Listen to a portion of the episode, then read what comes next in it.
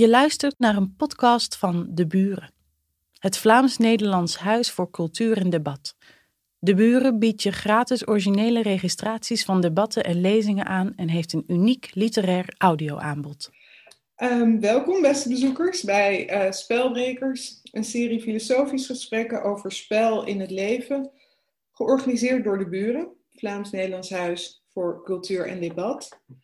Um, ik ben Fiep van Bodegom, schrijver, redacteur en recensent en vanavond moderator van deze reeks vanuit Amsterdam.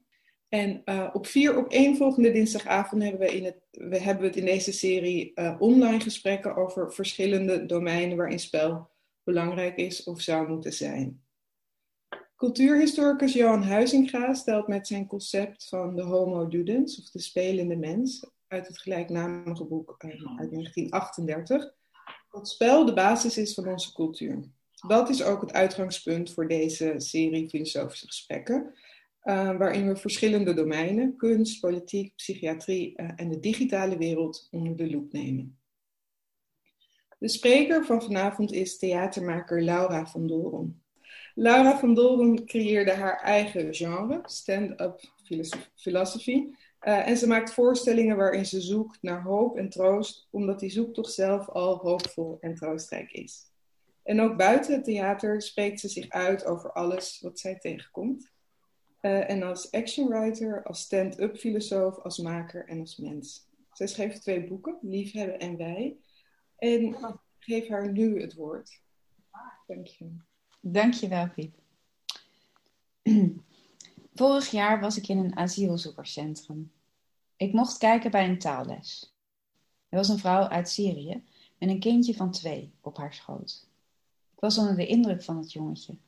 Hij zat muisstil en leek de taalles ademloos te volgen.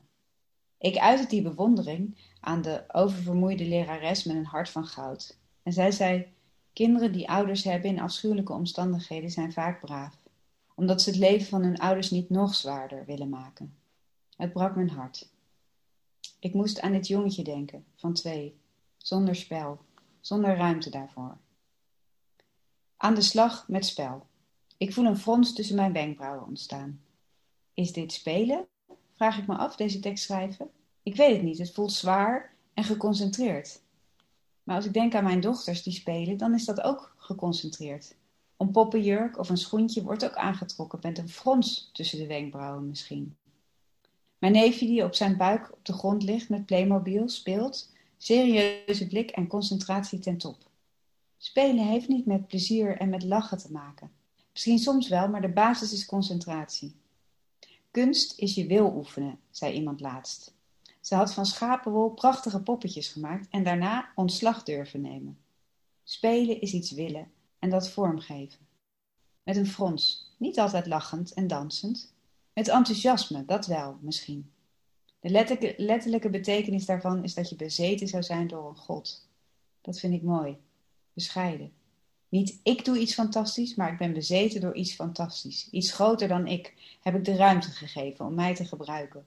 Om door mij iets te zeggen, om via mij iets te betekenen. Hoe speels ben ik eigenlijk? Mijn vak is op een podium staan en iets vertellen, in een theatersetting. Vaak noemen mensen dat spelen. Ik heb dan altijd gedacht dat ik dat niet doe, spelen, omdat ik spelen associeer met doen alsof. En ik het theater gebruik juist als ruimte om jezelf te zijn, om mezelf te zijn. Wat me op het podium soms makkelijker lijkt te lukken dan in het echt.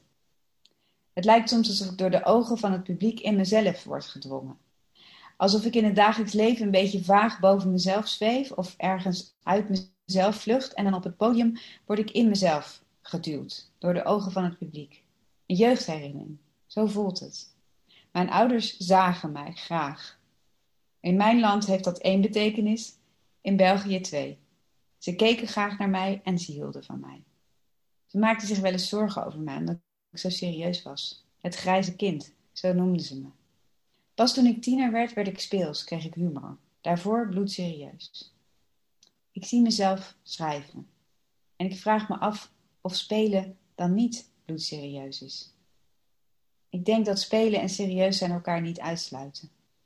Ik denk dat spelen een wereld buiten de wereld creëren is, waarin je iets onderzoekt uit die wereld. Mijn zenmeester, die de kaarsenstandaarden van het plafond laat zakken.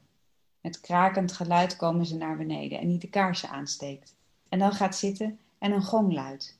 Is dat spelen? Het is vormgeven. Maar wat is dan niet spelen? Heel weinig. Sterven en baren en geboren worden, misschien. En vandaag dacht ik ook nog aan eten en slapen en naar het toilet gaan. Misschien.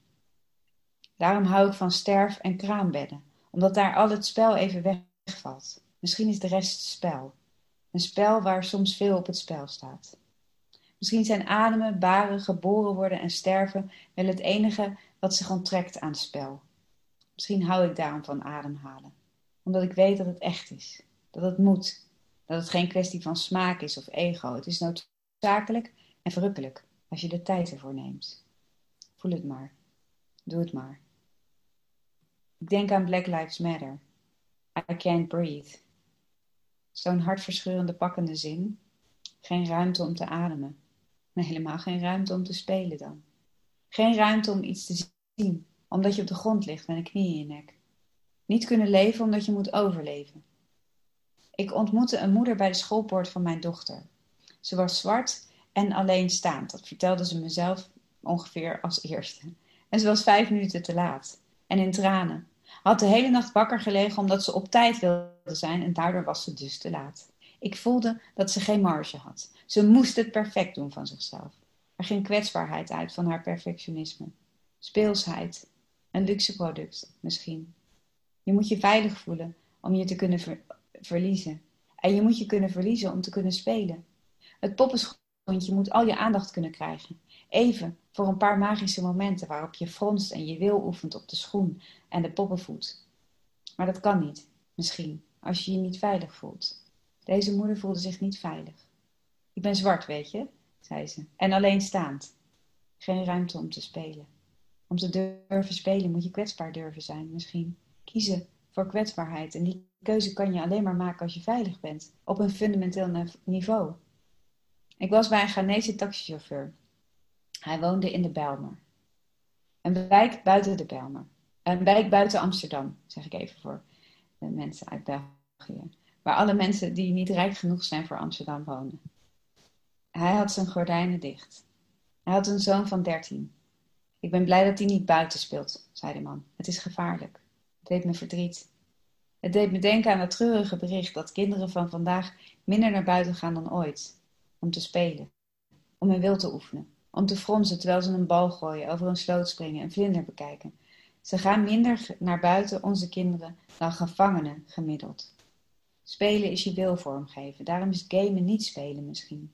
Omdat de wil van de maker van het spel wordt gevolgd. Facebook ook niet. Je geeft niks vorm behalve jezelf.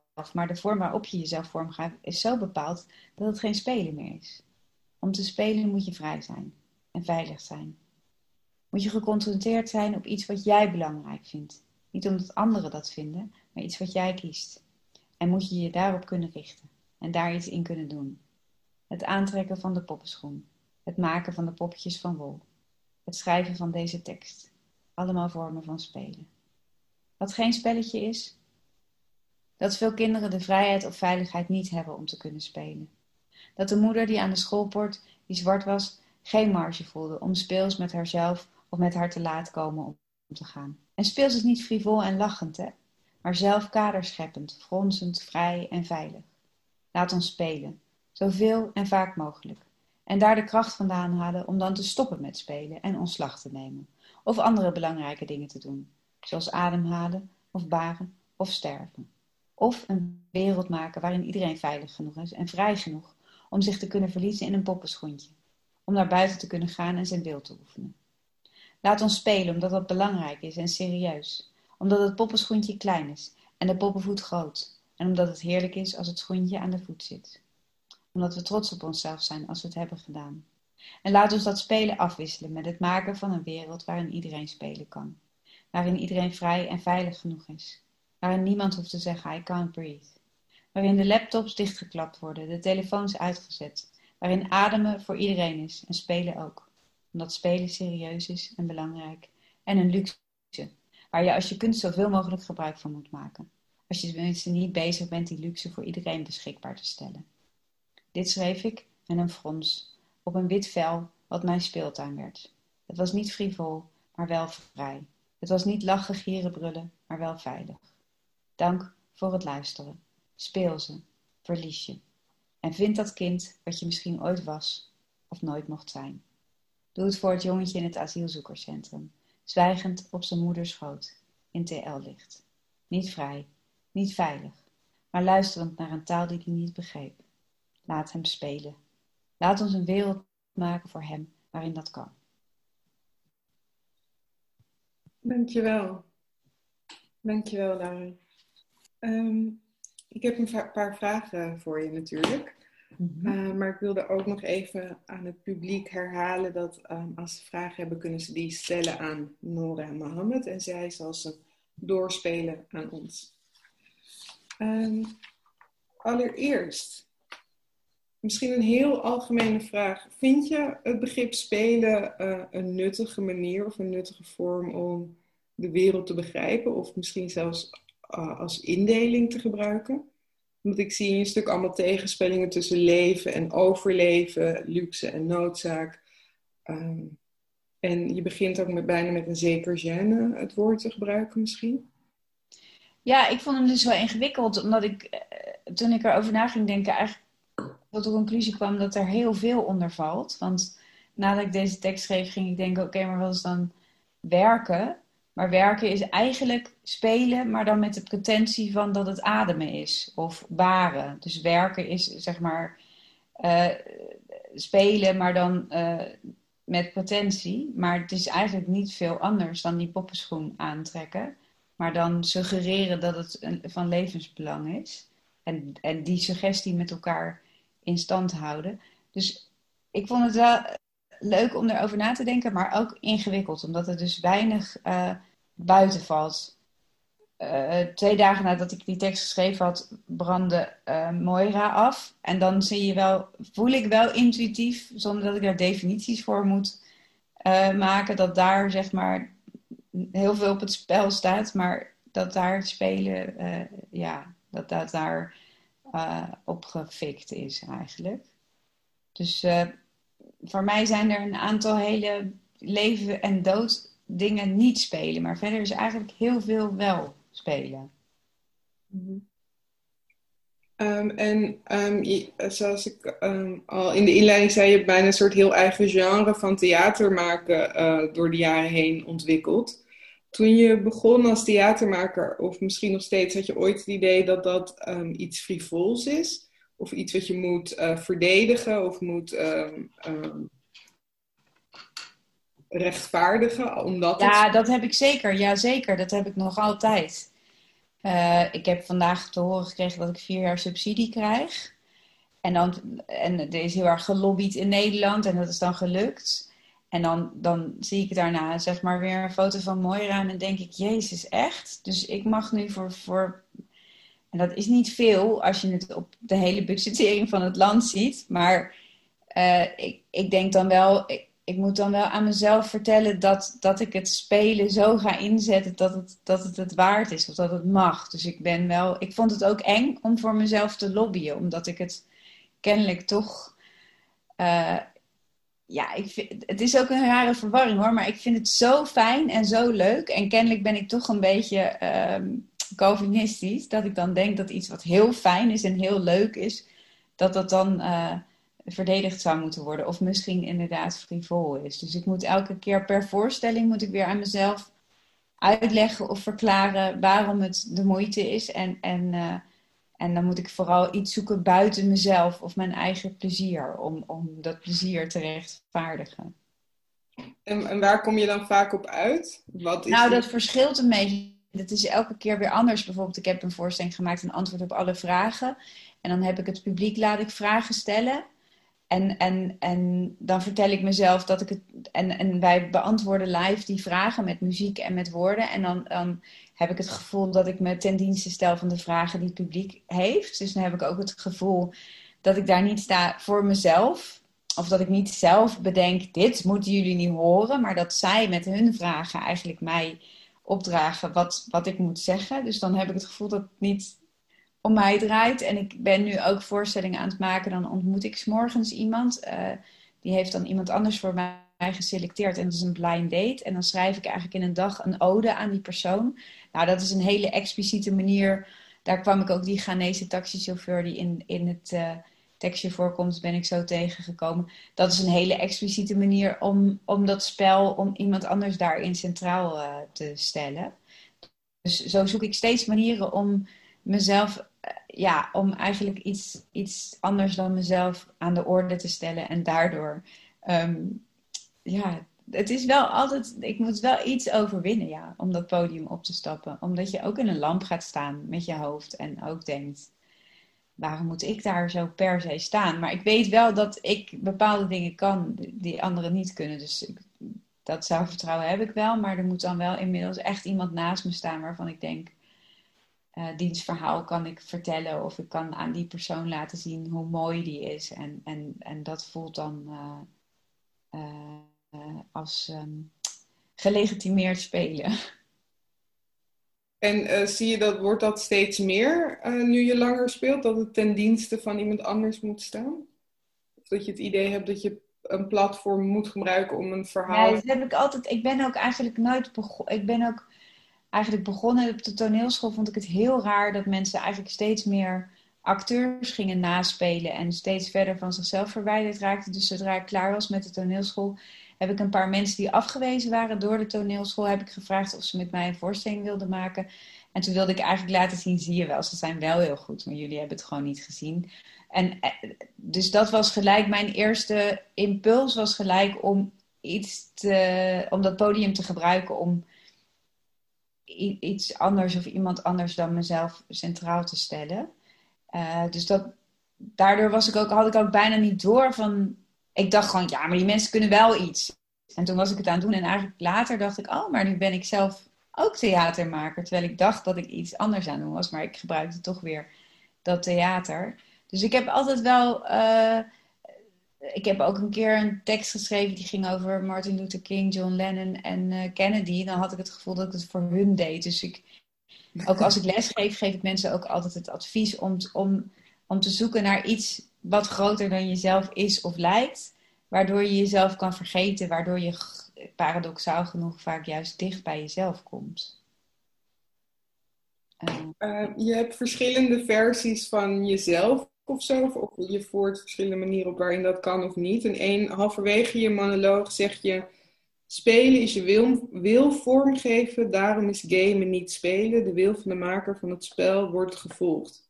Mm Facebook ook niet. Je geeft niets vorm behalve jezelf, maar de vorm waarom je jezelf vormgeeft is zo bepaald dat het geen spelen is de vorm waarom je jezelf vormgeeft is zo bepaald dat het geen spelen meer is. Kun je, kun je daar misschien iets meer over zeggen van dat er verschillende manieren van presenteren zijn en dat dat voor jou niet altijd onder spel valt? Ja, ik zat daar gewoon over na te denken van wat is dan spelen en wat niet. En, en uh, ik, ik dus geloof ik wel dat voor spelen een bepaalde mate van vrijheid uh, nodig is. En ik was de dag daarna, ik kan het beter met een voorbeeld toelichten misschien. Ik was met mijn kinderen, mensen erg je niet, aan het spelen. En toen dacht ik, is dit nou spelen? Maar, maar dat, toen dacht ik aan dat gamen en dat Facebook. En toen dacht ik, ja, maar het format is heel erg bepaald. En toen ging mijn dochtertje van drie, die zich wel ergerde, want ze vond er niks aan. Die ging zeg maar met de dobbelsteen gooien, maar dan door de hele kamer. En dat was eigenlijk het leukste moment van het spelletje. En toen moesten wij allemaal erg hard lachen om haar. En toen ging ze natuurlijk nog meer doen. Maar toen dacht ik, ja, zij breekt uit het format en begint nu eigenlijk echt te spelen. Dus voor mij is spelen kennelijk toch uh, je eigen kaders creëren. En ze pakte wel de dobbelsteen en ze varieerde op het thema, want ze gooide er wel mee. Dus er zijn wel dingen waar, ik bedoel, mijn kinderen trekken ook een poppenschoentje aan. Dat is natuurlijk ook het nadoen van ik die hun schoentjes aantrek. Maar ik heb wel het gevoel dat ze daarin een soort van keuze maken. En, en ik vind dus mensen erg je niet spelen volgens de regels vind ik dan, is dan voldoet niet helemaal aan mijn definitie van spelen. Hoewel er ook weer een ander spel gaande is. Want ik merkte ook dat ik dan dacht: oh, wij zijn nu het perfecte gezin, want we gaan van zeven tot acht spelletje, spelletjesavond doen.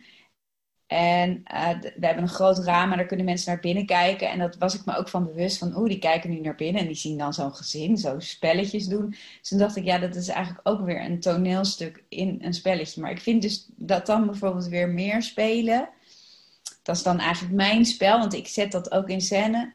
Ja, ik vind het, het bordspel waarmee je dan twee loopt omdat je twee gooit, vind ik denk ik dan minder spelen of zo, als ik, als ik het zo... Maar bijvoorbeeld vroeger speelde ik met mijn zusje Monopoly. En dan kon ik heel slecht tegen haar verlies. Omdat ze mijn kleine zusje was. En dan ging ik haar altijd stiekem geld toestoppen. En dan werd zij heel boos. En daar, zit eigenlijk dan voor mij weer meer spel in. In dat, dat ik haar geld toestop. En uh, daar ging ik eigenlijk doen wat mijn kleine dochter deed met die dobbelsteen. Dus variëren op het thema van het, van, het, van het vastgelegde spel. En ik vind het bij Facebook heel moeilijk om daarop te variëren. Of, of bij gamen zie ik ook mijn man heel erg in een soort tunnel. Die doet dat vaak als hij moe is. En dan wordt hij nog vermoeider. Uh, en bij Facebook zie je ook wel mensen die dan proberen expres iets sombers erop te zetten, omdat iedereen er iets vrolijks. Maar ik vind dat de kaders wel, zoals mijn dochter die dobbelsteen door de kamer gooit, dat is toch bij Facebook, vind ik, heel lastig om echt speels om te gaan met dat format. Omdat het uh, ja, heel erg vast, toch vast ligt. Um, ja. Maar als je dan zo'n soort uh, uh, familietafereeltje anseneert, wie zijn dan eigenlijk de spelers? Of wat zijn de regels daarvoor?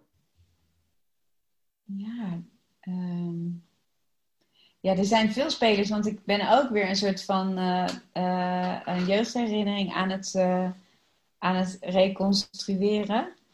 Um, ja, ik denk dat ik misschien de regisseur ben en mijn gezin de acteurs. Maar die hebben misschien weer allemaal helemaal hun eigen spel. Want bijvoorbeeld mijn oudste dochter, die vindt het dan heel leuk om wel goed met de dobbelsteen te gooien. Om aan mijn jongste te laten zien, kijk, ik ben al groot. Dus iedereen heeft daar ook weer zijn eigen...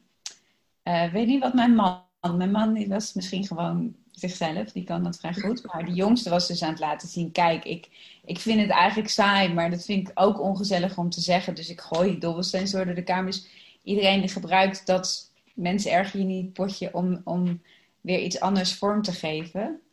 Ik denk niet, we waren zeker niet met z'n vieren dat perfecte plaatje aan het maken. Dat was echt meer iets wat ik dan, ja, of ik het anseneer weet ik niet, maar ik ben me er wel van bewust. Dat dat ook een laag van het, van het, het spelletje is. Dat ik ook een soort denk, oh, als mijn ouders me nu zagen, ik heb het nu echt helemaal. Voor mij is dat het, uh, het summum, dat het je lukt. Ik breng ze altijd te laat naar bed. Dat het je lukt om nog een spelletje te doen en dan op tijd naar bed is. Maar dat is ook een soort van toneelstuk wat ik dan opvoer. Of een soort van zoektocht naar perfectie. Of het, ja, wat ik zeg, het herbeleven van mijn jeugd. Dus ik denk dat ik daar de regisseur ben en zij de acteurs. Maar zij zijn allemaal weer een eigen uh, spel aan het uh, vormgeven. Waar wij weer voor nodig zijn. Dus iedereen is acteur in iemands anders uh, stuk. Ja, dat denk ik. Ja, dat denk ik wel, ja. En daarbij bedoel ik niet dat acteur en regisseur per se een hiërarchische verhouding tot elkaar hebben, maar meer dat de regisseur wat meer de, het, het, overzicht heeft of wat meer belang heeft bij de illusie, zeg maar, die wordt gecreëerd. Ja, ik las dat laatst ook ergens iemand, Lara Staal had dat gezegd in de staat van theater, dat er eigenlijk heel de tijd overal theater is. En uh, dat, dat het theater in lampen ons bewust maakt van al die toneelstukken die de hele dag gespeeld worden. Dat vond ik wel. Theater waar? Uh, de staat van theater was dat uh, op theaterfestival. En daar had zij een tekst, een mooie tekst geschreven over hoe het steeds gaat over is theater wel relevant of niet. En zij zei ja, alles is theater. We zijn de hele tijd dingen aan het vormgeven met elkaar. En de, het klassieke theater met de stoeltjes en het podium is er eigenlijk zodat we ons bewust worden van al die toneelstukken die we opvoeren. Dat vond ik een ontroerende gedachte. Ja, want dat wilde ik je vragen, want je hebt ook um, uh, dat je soms nu of tijdens uh, deze pandemie dat je um, bij mensen thuis een stuk doet of uh, speelt, als ik het goed begrepen heb. Um, en zoals je zelf zegt, breng je theaterspel zonder enige context of structuur. En ik vroeg me af, in hoeverre is het zonder die gestileerde setting van het podium, de afstand tussen publiek en jou, is er dan sprake van spel? Of heft dat elkaar op? Maar net eh, heb je eigenlijk al spel als iets wat bijna naadloos in het gewone leven overgaat. Maar andersom, als je je theater brengt in een familiesetting van iemand anders, in hoeverre is, wat is dan het spel? Is het dan het spel? Ja, zeker. Want ik heb wel een tekst die vormgegeven is, waarin ik ook een bepaalde keuze heb gemaakt ooit voor compositie. Dus ik geloof dat dat wel een spel is. En, en ik, ik ben inmiddels wel zo, zo getraind in het theater uitgaan, dat ik de ruimte waarin ik me bevind eigenlijk als een soort decor beschouw. En dan heel snel zorg dat het decor, dat het stuk zich aanpast aan het decor in plaats van andersom. Dus ik Ehm, op een subtiele manier uh, zorg ik dat. Ik vind het leuker om zeg maar te zorgen dat de plek waar ik ben het perfecte plekje is, dan dat ik een perfecte plek creëer. Uh, dus decor maken is eigenlijk een perfecte plek creëren, maar ik zorg dat de plek waar ik ben perfect wordt. Dus als ik ergens sta waar vogeltjes fluiten, dan, dan, dan doe ik alsof ik die vogeltjes eh, heb ingehuurd en ze dat stuk voor mij hebben gecomponeerd. Als de zon ondergaat, dan zal ik altijd een grapje maken dat dat het lichtplan is van uh, God of iets dergelijks. Ehm, dus ik, ik, uh, ik doe net alsof alles wat daar is door mij is geanceneerd. En daarmee draai ik het eigenlijk om en geef ik ook de mensen die in hun eigen huiskamer naar iets zitten te kijken, het idee dat hun huiskamer plots een, uh, een decor is, waardoor er ook een soort van nieuwe blik op valt.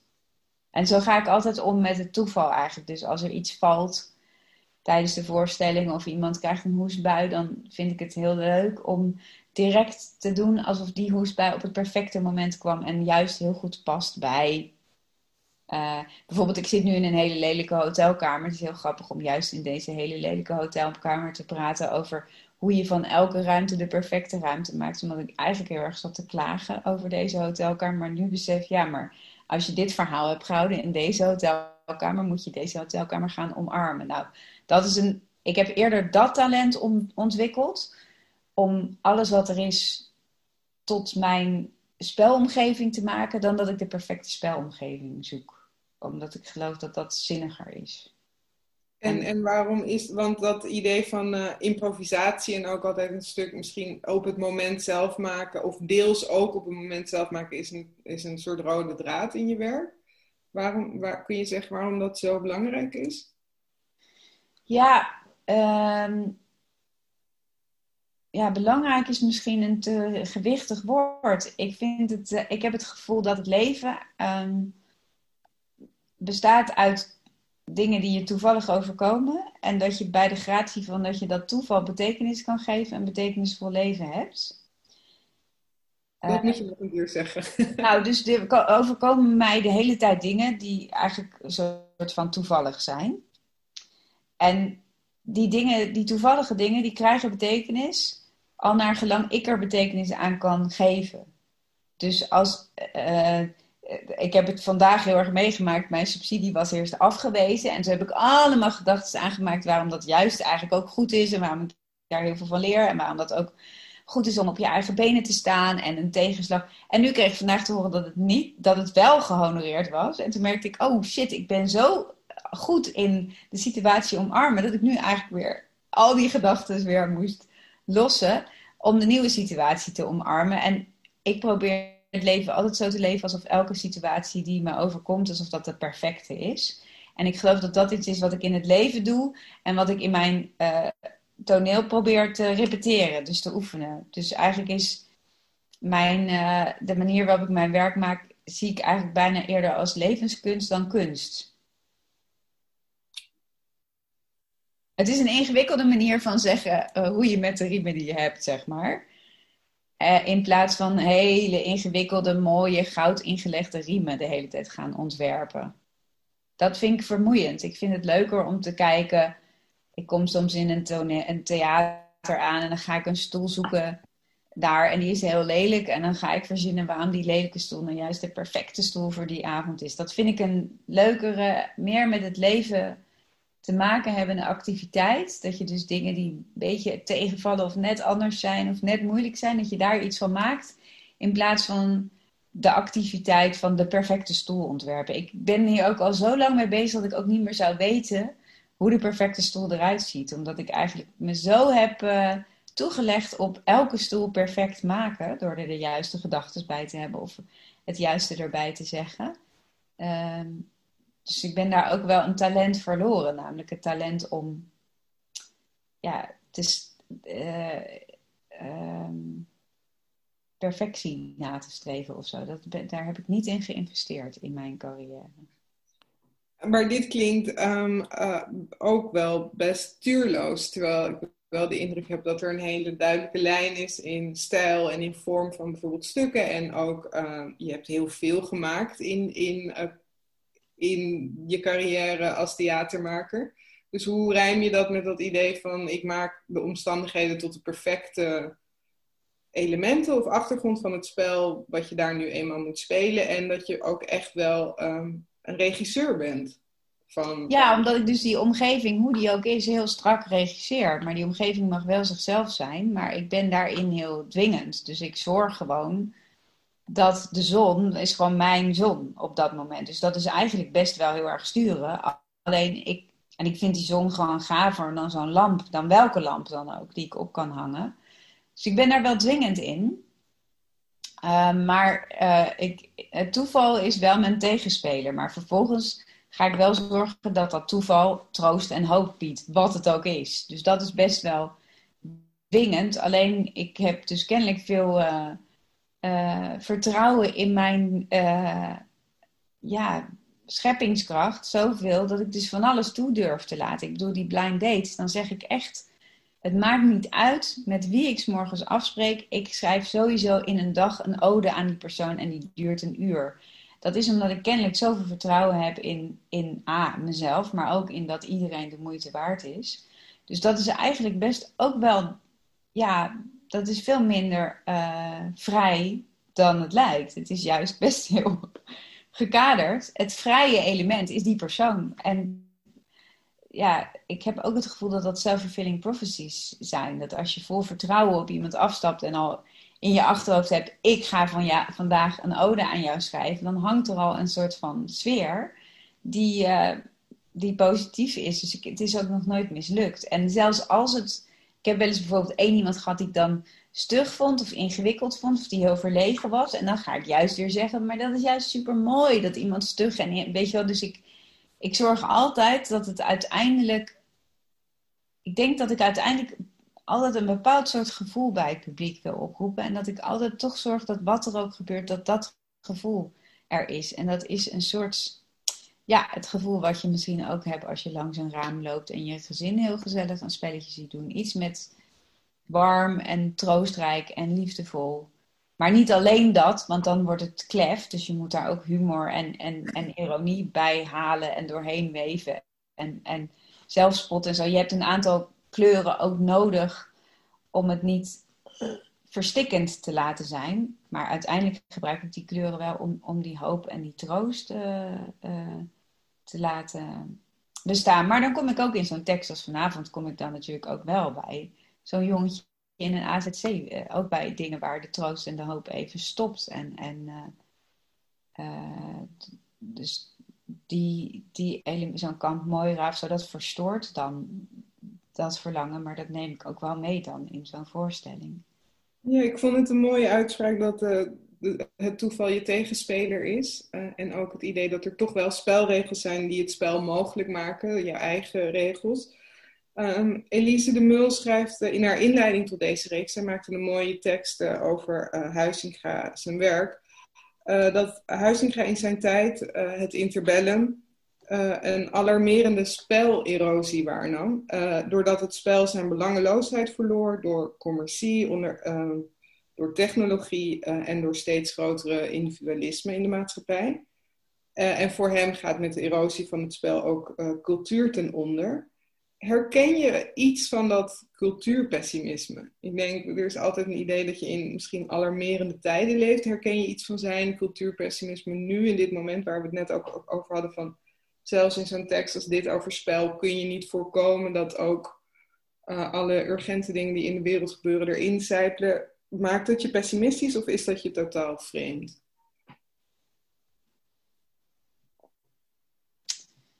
Um, ja, ik heb wel het gevoel dat sinds ik, een, sinds ik kinderen heb gebaard, dat de cultuurpessimist in mij uh, ook is uitgedreven op een of andere manier. Um, dat was vroeger wel iets waar, waar, waar ik me aan kon uh, overgeven. Bijna met plezier. Van dit is de laatste generatie en ik hoop dat de natuur van ons wint. Want wij zijn een ziekte op uh, twee benen. En allemaal dat soort van gedachtes. Maar ik, ja, ik vind het heel moeilijk als je die daadkracht en die levensvreugde en dat verlangen om er iets van te maken bij die twee kleintjes ziet. Dan vind ik het heel moeilijk om, uh, om uh, somber te zijn of te blijven. Ik denk dan wel van, zij denken echt dat de wereld prachtig is en we moeten snel zorgen dat die zo prachtig is als zij denken dat die is. Dus ik vind ons, ons wel iets minder geweldig dan die kleintjes. Maar ja, Nee, ik zou mezelf geen cultuurpessimist uh, willen noemen. Nee. Nee. Maar sowieso, ja, cultuur ervan. Ik bedoel, pessimist is mij gewoon helemaal vreemd. Of ik ben zo'n pessimist dat ik voortdurend troost en hoop moet zoeken om niet volledig ten onder te gaan. Dat zou kunnen. Maar dat is dan voor, voor psychologen. En ja, die trappen altijd wel in mijn verhaal. Die hebben nog nooit gezegd van nee, maar hieronder zit eigenlijk een heel grote somberte. Nee, ik ben wel uh, optimistisch, maar ik heb wel mijn werk ook nodig om dat optimisme te kunnen zien en te kunnen de ruimte geven en te kunnen uitvouwen en te kunnen uitspelen. Ik denk wel eens als ik niet dat die theaterruimte had of dit soort van momenten, als ik alleen maar de krant had en het nieuws, dan zou ik het wel heel zwaar vinden. Dus ik, ik ben ook wel een soort cultuuroptimistische uh, tegengeluid de hele tijd aan het vormgeven. Dus ik ben wel gevoelig voor uh, de dingen die fout gaan en de pijn en het verdriet wat er is. Absoluut. Maar die gevoeligheid die zet ik dan om in nog meer hoop en troost. Ja, in het, in het verlengde misschien hiervan ook um, naar het einde van je monoloog toe schrijf je. Ik heb heel horrorachtig licht hier. Ik ga er even iets aan doen. Het is wel leuk, maar dit vind ik te. Wacht. Dit is die goedkope hotelkamer, hè? Ja, dit is toch beter. Dit is beter. Anders denk je echt van, ja, ja, optimist, optimist. Ik ben een vrouw in een soort van horror. Ja, het is niet prachtig, maar het is goed genoeg. Ja. Sorry. Uh, naar het einde van je monoloog toe schrijf je... Omdat spelen serieus is en belangrijk en een luxe... waar je als je kunt zoveel mogelijk gebruik van moet maken... als je niet bezig bent die luxe voor iedereen beschikbaar te stellen... Uh, en mijn vraag, wat, wat is jouw balans daartussen? Maar ook als je rondkijkt, en dit is een beetje in het verlengde van waar we het net over hadden. Als je rondkijkt in de wereld, uh, moeten we misschien wel heel hard werken om de mogelijkheidsvoorwaarden voor het spel voor iedereen te scheppen. Wat je voorstelt of als onderdeel. Blijft er dan ook nog tijd over om te spelen? ja, dat moet. Want anders kan, kan je, zeg maar, als je, als je het contact verliest met het spelen, denk ik, dan weet je ook niet meer waarom je het mogelijk zou maken voor anderen. Dus je moet weten waarom het er is, waarom het belangrijk is. Uh, ik geloof ook niet dat zeg maar heel verbeteren, de wereld willen verbeteren, maar zelf dan helemaal verliezen. Je moet weten waarom de wereld mooi is om haar te willen verbeteren voor iedereen. Dus ik denk wel dat je een ik, het was wel grappig. Ik had ook een van mijn blind dates. Laatst was een gynaecoloog die echt fantastisch is. Echt een rockstar gynaecoloog. En die, ik vroeg haar waarom ben je nou zo goed? Want zij is echt heel goed. En zei omdat ik goed voor mezelf zorg en goed voor anderen. Die volgorde die viel me op. En uh, ik denk dat, dus, dat je wel zelf ook moet spelen of moet ontspannen of moet genieten. Om vervolgens weer de energie te hebben om anderen om dat voor anderen mogelijk te maken. Uh, ik, ik heb ook veel interesse in spiritualiteit en ik ken veel spirituele activisten en die zijn daar heel erg mee bezig. Dat veel activisten eigenlijk heel slecht voor zichzelf zorgen en vervolgens vanuit een soort van ja, uh, lijf wat pijn heeft en, en moe is en, en niet geaard is, dan anderen willen helpen. Maar dat is lastig. Dus ik vind dat wel interessant, die verhouding zoeken tussen ja, zelf contact houden met het spel en, en vervolgens heel uh, serieus eigenlijk uh, dat spel voor anderen proberen mogelijk te maken. En veiligheid en vrijheid voor anderen te creëren. En dan moet je zelf soms even je veiligheid en je vrijheid opgeven. Dan moet het even onveilig en onvrij zijn bij momenten. Ehm, om, ik zit daar zelf nu erg mee te worstelen. Ik heb vandaag gehoord dat ik vier jaar subsidie heb. Ik vind dat heel fantastisch. Maar ik ben ook me bewust dat we 50, dat we 100 vluchtelingen uit Moira toelaten. Dat vind ik een heel maffe balans, zeg maar. Ik vind de kunst fantastisch, maar ik vind het wel bizar. Dat, dat, dus ik ben me echt bewust van, oké, ik krijg dat en ik kan daarmee gaan spelen. Maar ik moet daar ook af en toe uh, dat spel wel verdienen. Of in ieder geval zorgen dat dat geld ook terechtkomt bij bij die mensen waar Nederland bijvoorbeeld dus heel expliciet, uh, die, die vluchtelingen, waar het niet. Ik, heb, ik zit al gelijk te denken, hoe kan ik zorgen dat een gedeelte van dat geld daar terecht komt? En dat het dan toch kunst blijft heet. Dus het moet wel ook spelen blijven. Want als ik gewoon nu heel serieus zeg, ik ga al dat geld wat ik van jullie krijg nu uh, in een zak meenemen en bij Moira neerzetten, dat wordt niks. Dus ik moet wel ergens dus zorgen dat er een, een vorm is en dat er iets speels aan is. Maar er moet ook wel ehm, iets met dat geld wat verder gaat dan dat ik daar leuk mee ga spelen.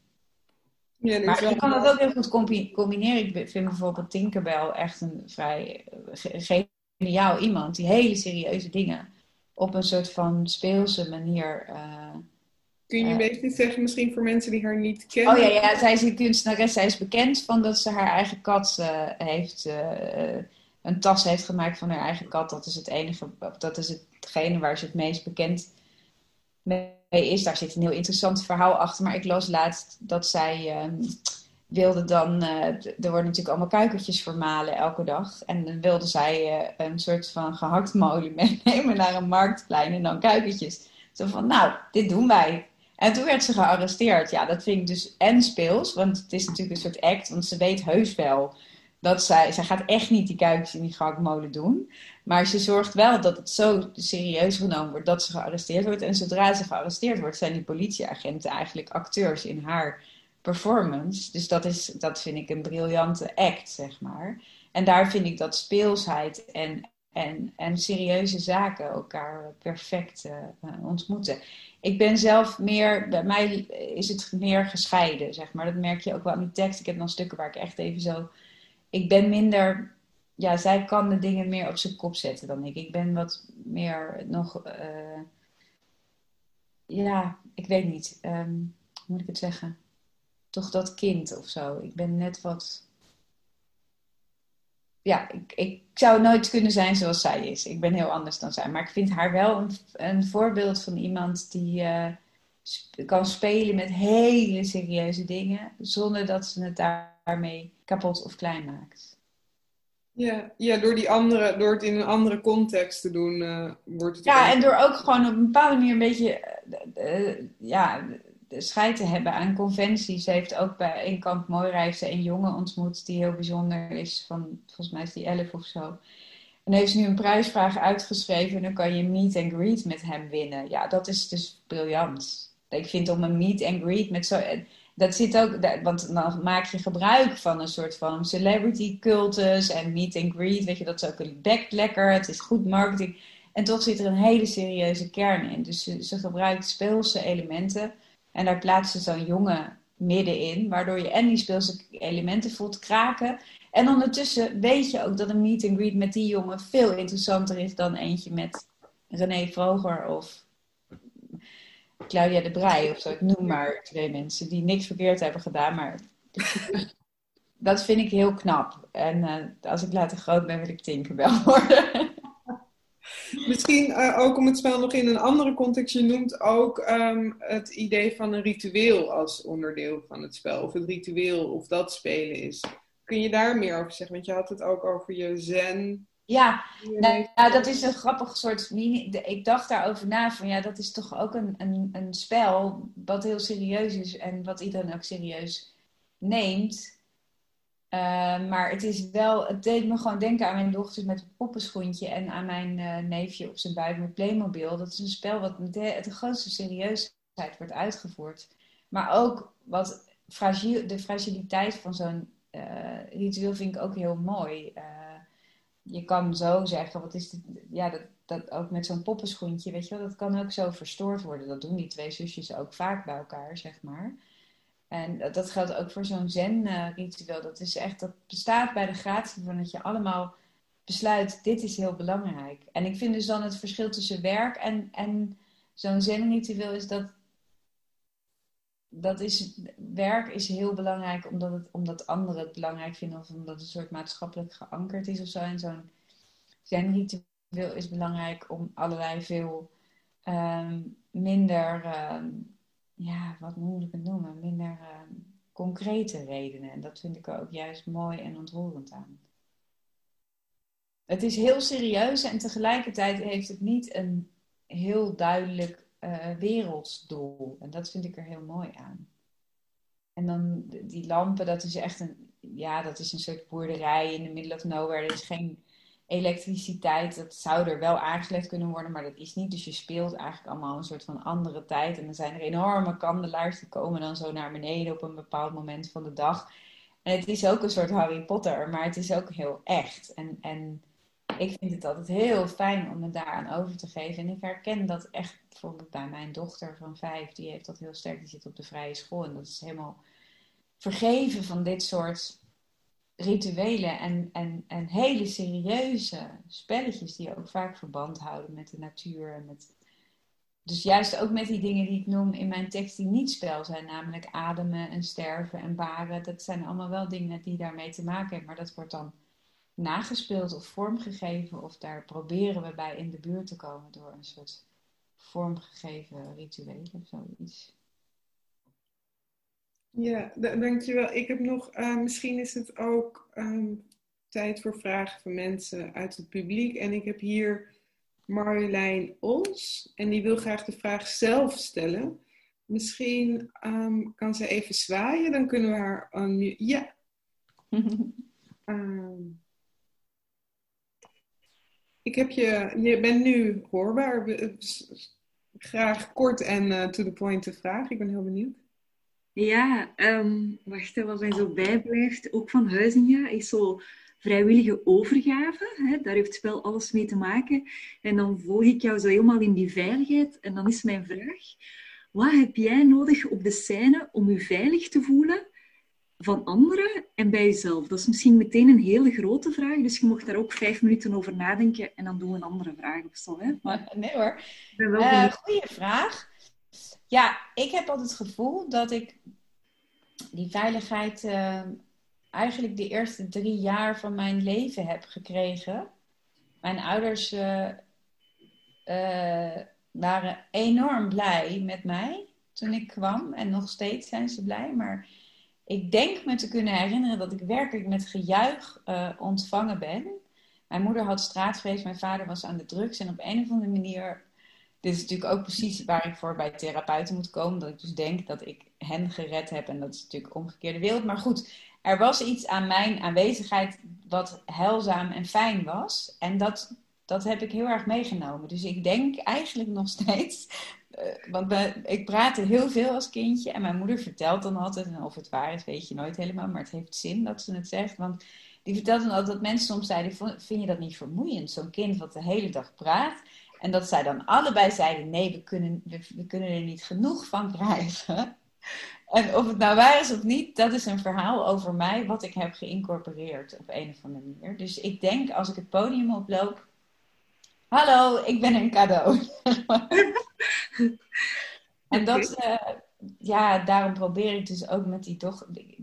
Daarom heb ik het denk ik ook over zo'n jongetje in, in zo'n asielzoekerscentrum. Ik heb gewoon die basisveiligheid en dat basisvertrouwen meegekregen. En daar is ongeveer alles wat ik doe uh, op gestoeld. En ik, ik projecteer gewoon mijn ouders in die zaal. En ik benader het publiek ook altijd als mensen die reuze blij gaan zijn met mij. En dat komt ja, over het algemeen, uh, dat is dus ook best dwingend, maar dat blijkt dus over het algemeen wel te werken of zo. Ja, ook een, een goede opvoedingstip, toch? Ja, zeker. Ja, nee, het is eh, grappig genoeg, mijn, mijn jongste is nu net drie geworden. En ik geloof dus heel erg in die eerste drie jaar was mijn geliefde. En ik zei echt, jee, nu kunnen we uit elkaar. Nu zijn ze veilig echt. Wat we niet gaan doen. Maar uh, ja, het is voor mij, ik, ik denk dat heel erg. Dat mijn, en het is ook de eerste drie jaar bij mij, want daarna kwam mijn zusje. En toen kreeg mijn vader een soort crisis en toen ging die vreemd. Dus het was ook echt drie jaar was het idylle. En daarna werd het allemaal ingewikkeld. Ook prima hoor, ingewikkeld. Maar ik heb echt het gevoel dat ik die eerste drie jaar een soort bizarre zelfvertrouwen heb gekregen. En dat ik daar nog steeds. Uh... en er zijn natuurlijk heus wel eens dingen die dat in de weg kunnen staan. Maar, maar dat is dan mijn hoofd eigenlijk vooral. Dus mijn gedachten. Maar, maar als ik een beetje hier blijf, dan, dan uh, voel ik me eigenlijk best veilig over het algemeen. Ik onderschat het soms hoor, want ik heb laatst veertien keer gespeeld in huiskamers. En toen merkte ik wel dat ik na die veertien keer echt een beetje doorgedraaid was. Dus dat ik een beetje dacht, nou, dan kan ik wel veertien huiskamers met huilende mensen. Want het was een ontroerende voorstelling. Maar, dus veel, maar dat, dat was wel, dus dat zelfvertrouwen, dat nekt me natuurlijk af en toe. En daardoor lig ik soms te snikken in, in mijn bed. Maar over het algemeen heb ik dus al bij me wat veiligheid geeft hier. ja. Oh, sorry. Dankjewel. Um, en ik wilde nog een vraag uh, ook namens iemand stellen, namens Hilde. Um, brengen die kleuren in je spel, humor, ironie, zelfspot en zo, uh, niet ook luchtigheid? Uh, en volgens haar, haar, jouw theater komt voor mij, dus Hilde, over en is voor mij typisch voor spel en speelsheid. Toch had je het in je tekst steeds over de ernst en het fronsen. Wat bedoel je eigenlijk precies hiermee, die ernst? Terwijl het spel zo luchtig en speels overkomt. Ja, ik heb dus altijd het gevoel dat ik, uh, uh, dat ik als kind best wel serieus was. En dat ik toen als tiener, eigenlijk, ik associeer dat met toen ik borsten kreeg en merkte dat mannen daarvan tegen lantaarnpalen aanliepen. En, en toen kwam er een soort, ook met seksualiteit, kwam er een soort frivoliteit en vrolijkheid in mij en in mijn leven ook. Waar mijn ouders eigenlijk blij mee waren, omdat ze me als kindje bijna te serieus vonden. Uh, en voor mijn gevoel staat dat kind altijd op het podium en dan die frivole tiener.